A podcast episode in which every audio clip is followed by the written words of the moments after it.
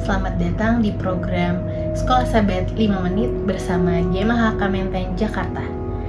Pelajaran Sekolah Sabat kita selama satu pekan ke depan berjudul Yesus Jangkar Jiwa. Di mana ayat hafalannya tercatat di dalam Ibrani 6 ayat 19 sampai 20 yang berbunyi, pengharapan itu adalah sau yang kuat dan aman bagi jiwa kita yang telah dilabuhkan sampai ke belakang tabir, di mana Yesus telah masuk sebagai perintis bagi kita, ketika ia menurut peraturan Melkisedek menjadi imam besar sampai selama-lamanya.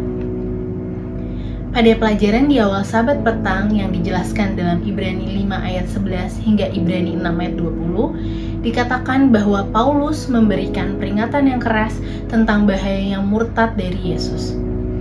Rasul Paulus prihatin bahwa para pembaca dan pendengarnya berada dalam bahaya menuruni lereng licin mencintai diri dan tidak beriman. Mereka memiliki indera spiritual yang tumpul karena situasi sulit yang mereka hadapi, sehingga mereka telah berhenti bertumbuh dalam pemahaman dan pengalaman mereka tentang Injil.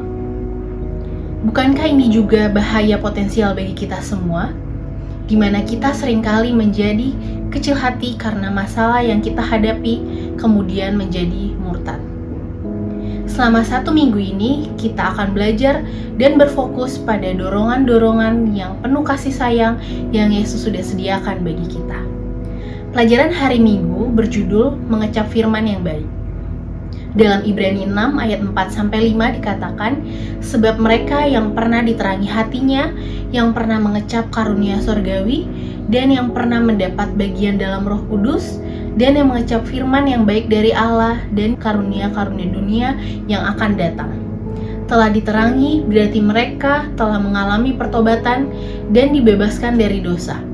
Mereka telah berbalik dari kegelapan kuasa iblis kepada terang kemuliaan Allah pernah mengecap karunia surgawi dan pernah mendapat bagian dalam Roh Kudus, berarti mereka telah menerima Roh Kudus dan telah mengecap pemberian kasih karunia Allah.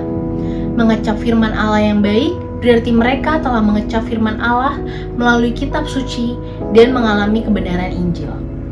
Karunia dunia yang akan datang mengacu kepada mujizat yang akan Tuhan lakukan bagi orang percaya di masa depan, yaitu mereka telah mengalami kebangkitan rohani pikiran yang telah diperbarui, dan kehidupan kekal di dalam Kristus. Paulus mungkin memikirkan generasi padang gurun, yaitu bangsa Israel, dalam pembebasannya dari Mesir. Namun, Paulus menyarankan bahwa bagaimanapun adalah bahaya apabila kita melakukan kemurtatan dari Tuhan, terlepas dari semua perkenanan Tuhan pada bangsa Israel di padang gurun.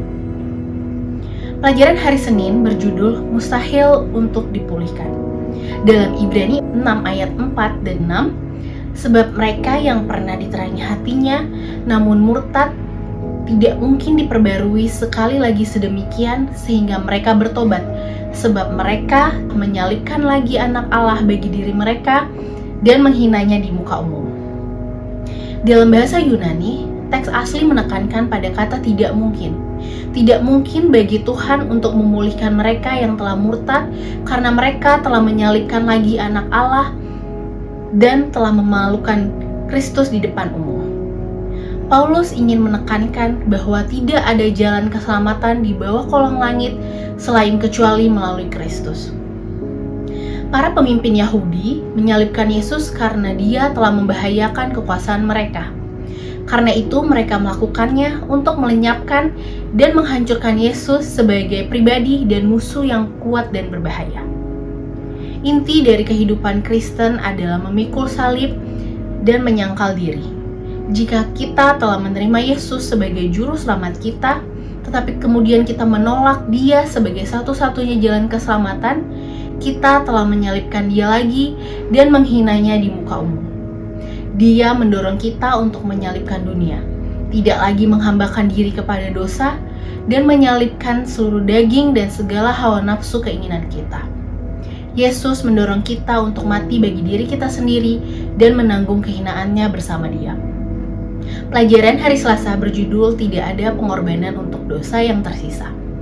Peringatan dalam Ibrani 10 ayat 26 sampai 29 yang dituliskan Paulus tentang dosa yang tidak ada pengampunan, yaitu jika kita sengaja berbuat dosa sesudah kita memperoleh pengetahuan tentang kebenaran, menolak hukum Musa, menginjak-injak anak Allah, menganggap najis darah perjanjian yang menguduskannya, dan yang menghina roh kasih karunia.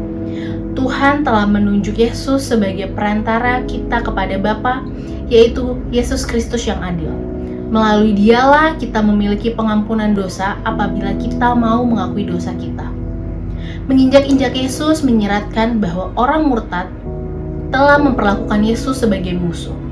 Inilah yang ingin Lucifer lakukan di surga, yaitu ingin menghina Yesus dan hendak menyamai yang maha tinggi. Demikian pula apa yang manusia durhaka akan lakukan di masa mendatang, yaitu meninggikan diri dan menyatakan diri sebagai Allah. Menghina roh kasih karunia ini menyiratkan bahwa orang murtad telah menanggapi tawaran kasih karunia Allah dengan penghinaan.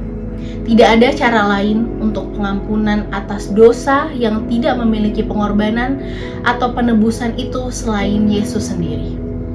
Marilah kita berserah dan sepenuhnya belajar menjadikan Yesus sebagai satu-satunya jangkar dalam kehidupan kita melalui pelajaran sekolah sahabat kita selama satu pekan ini.